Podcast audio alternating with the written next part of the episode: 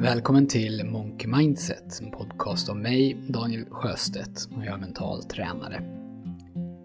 Idag så tänkte jag prata om vanor och vad en vana är för någonting, hur den är uppbyggd. Jag tänkte prata om vanans anatomi. Jag har ju pratat om vanor tidigare, bland annat i avsnitt 21, 22 och 23 och även 61. Och jag kommer repetera en del av det som jag säger i de avsnitten här och nu. En vana, det är någonting som sker med en viss grad av automatik. Men vad exakt som är en vana tycker jag ibland kan vara lite svårt att definiera, så jag tänkte ta upp det innan jag börjar med själva vanans anatomi. I avsnitt 61, det som handlar om hörnstensvanor, så pratade jag om en fabrik som hette Alcoa och som satsade hårt på säkerhet var det då en vana som de skapade. Kan säkerhet vara en vana? Ja, det var ju inte en vana i samma mening som tandborstning är det. Men det var någonting som efter ett tag skedde utan att de som jobbade på Alcoa ifrågasatte det. Om någonting berörde säkerheten så tog man tag i det automatiskt. Fanns inget utrymme för några andra beslut. Så på det sättet så var det en väldigt stark vana. Men för att slippa onödig begreppsförvirring så brukar jag när jag föreläser om det här säga att vi istället ska tänka på önskade beteenden. Att vad vi vill göra det är att skapa önskade beteenden. Antingen hos oss själva eller hos andra. Och då behöver vi inte haka upp oss så mycket på ordvalet. Utan vi tänker bara att vi vill på bästa sätt skapa de här önskade beteendena och vi vill göra det på ett sätt så att de sitter. Och i många fall så blir det då genom att skapa någon typ av vana. Hoppas att du hänger med trots att jag hoppar lite mellan olika begrepp. Men vad jag vill komma till här, det är att du inte ska ge upp bara för att du inte kan komma på hur det här som du vill uppnå ska kunna göras om till en tydlig vana. Alltså på det sätt som du definierar en vana.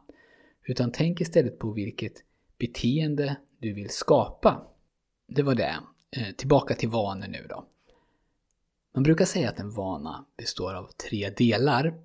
Och exakt hur man benämner de här delarna det skiftar lite beroende på vem man lyssnar på. Men alla menar i stort sett samma sak.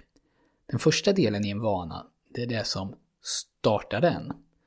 Och det här kallas på engelska ofta för trigger eller cue. Och begreppet som jag använder det är trigger. Trigger, det är det som alltså sätter igång det här beteendet. Det är en signal, kan man säga, att den här handlingen ska ske. Och en trigger kan vara väldigt tydlig. Det kan vara ett pling i mobilen. Eller klockan som ringer på skolgården som säger att rasten är slut. Eller så kan det vara mer diffus. En känsla av osäkerhet eller nervositet och det kan också vara någonting som du hör, eller någonting som du ser, eller någonting som du känner eller smakar, eller känner doften av, eller vad som helst. Och det kan också vara någonting som du gör. Och den här triggern följs av en handling. Och det är ju andra delen av vanan, själva handlingen eller beteendet. Om det plingar i mobilen så tar du automatiskt upp den och kollar vad det var. Eller om du förnimmer en känsla av nervositet så kan det trigga att dina fingrar dras upp mot munnen och du börjar bita på naglarna. Eller att du börjar känna i fickan efter cigarettpaketet och tänder en cigarett. Den här handlingen följs sen av en belöning, som är den tredje delen i vanans anatomi. Och om det är en ovana så kommer den här belöningen ofta direkt och automatiskt. Om du tar en cigarett till exempel eller biter på naglarna så känner du dig lite, lite lugnare. Och det är därför ovanor är så lätta att dra på sig och svåra att bli av med. För belöningen kommer ju då direkt och automatiskt. Vad gäller goda vanor så kommer ofta den naturliga belöningen inte förrän någon gång i framtiden. Och den blir inte lika direkt beteendet som vi gör här och nu blir inte lika lätt för hjärnan att härleda till den här framtida förbättringen i hälsan till exempel. Och när vanan sen sitter, då är det inte säkert att belöningen behövs för att upprätthålla den. Men för att den ska skapas så kan belöningen skynda på skapandet av den. För vad de här tre delarna gör, alltså trigger, handling och belöning, det är att de skapar en loop. En vaneloop. Någonting triggar, du utför ditt beteende och du får en belöning. Belöningen säger då till hjärnan att nästa gång samma trigger sker så ska du utföra samma beteende. För då kommer du få, återigen då, en belöning. Och på så sätt så skapas den här vanan.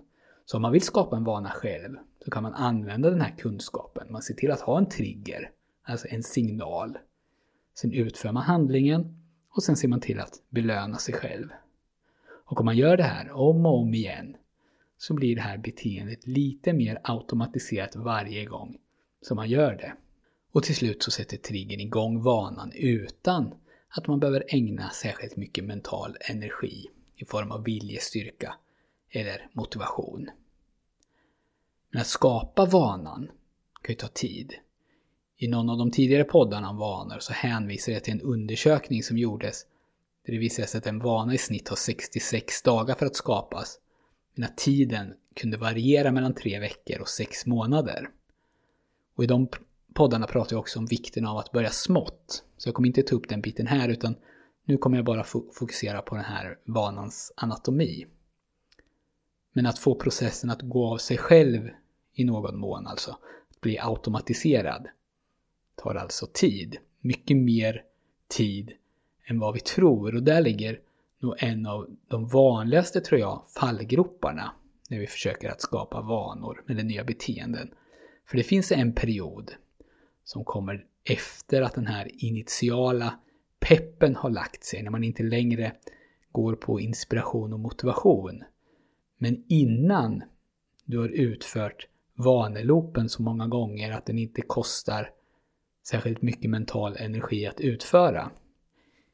I gapet mellan de här två så blir vanan jobbig, kanske till och med tråkig att utföra.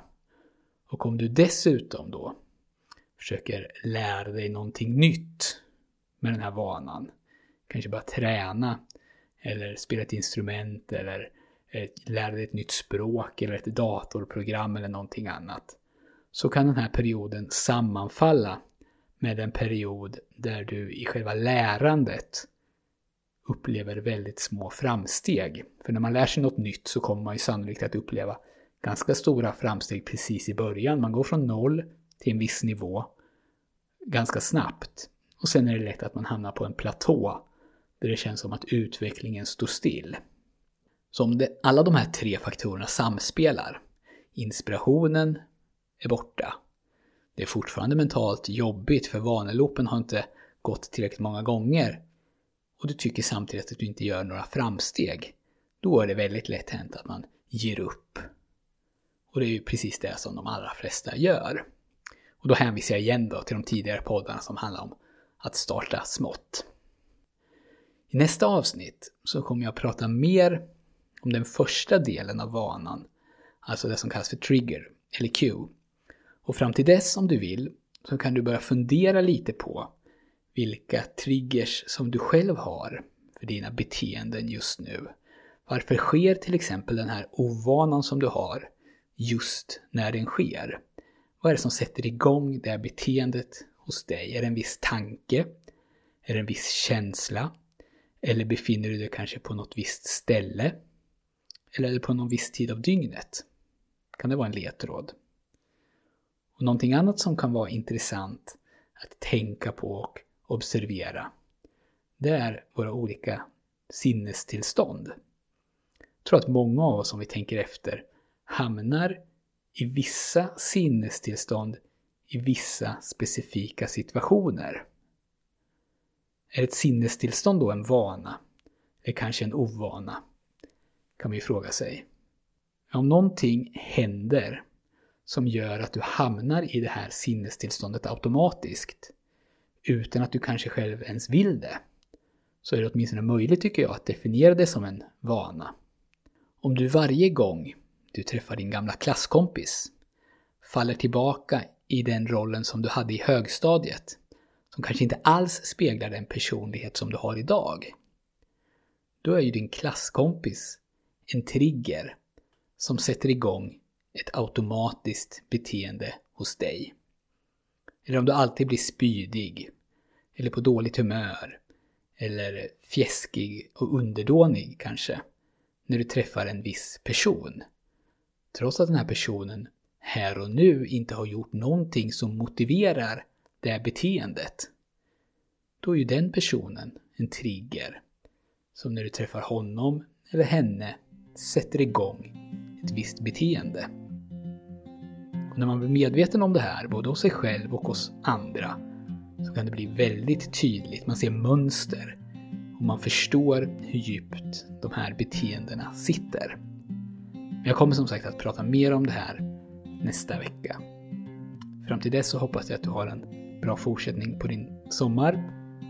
Tack så mycket för att du har lyssnat. Vi hörs snart igen.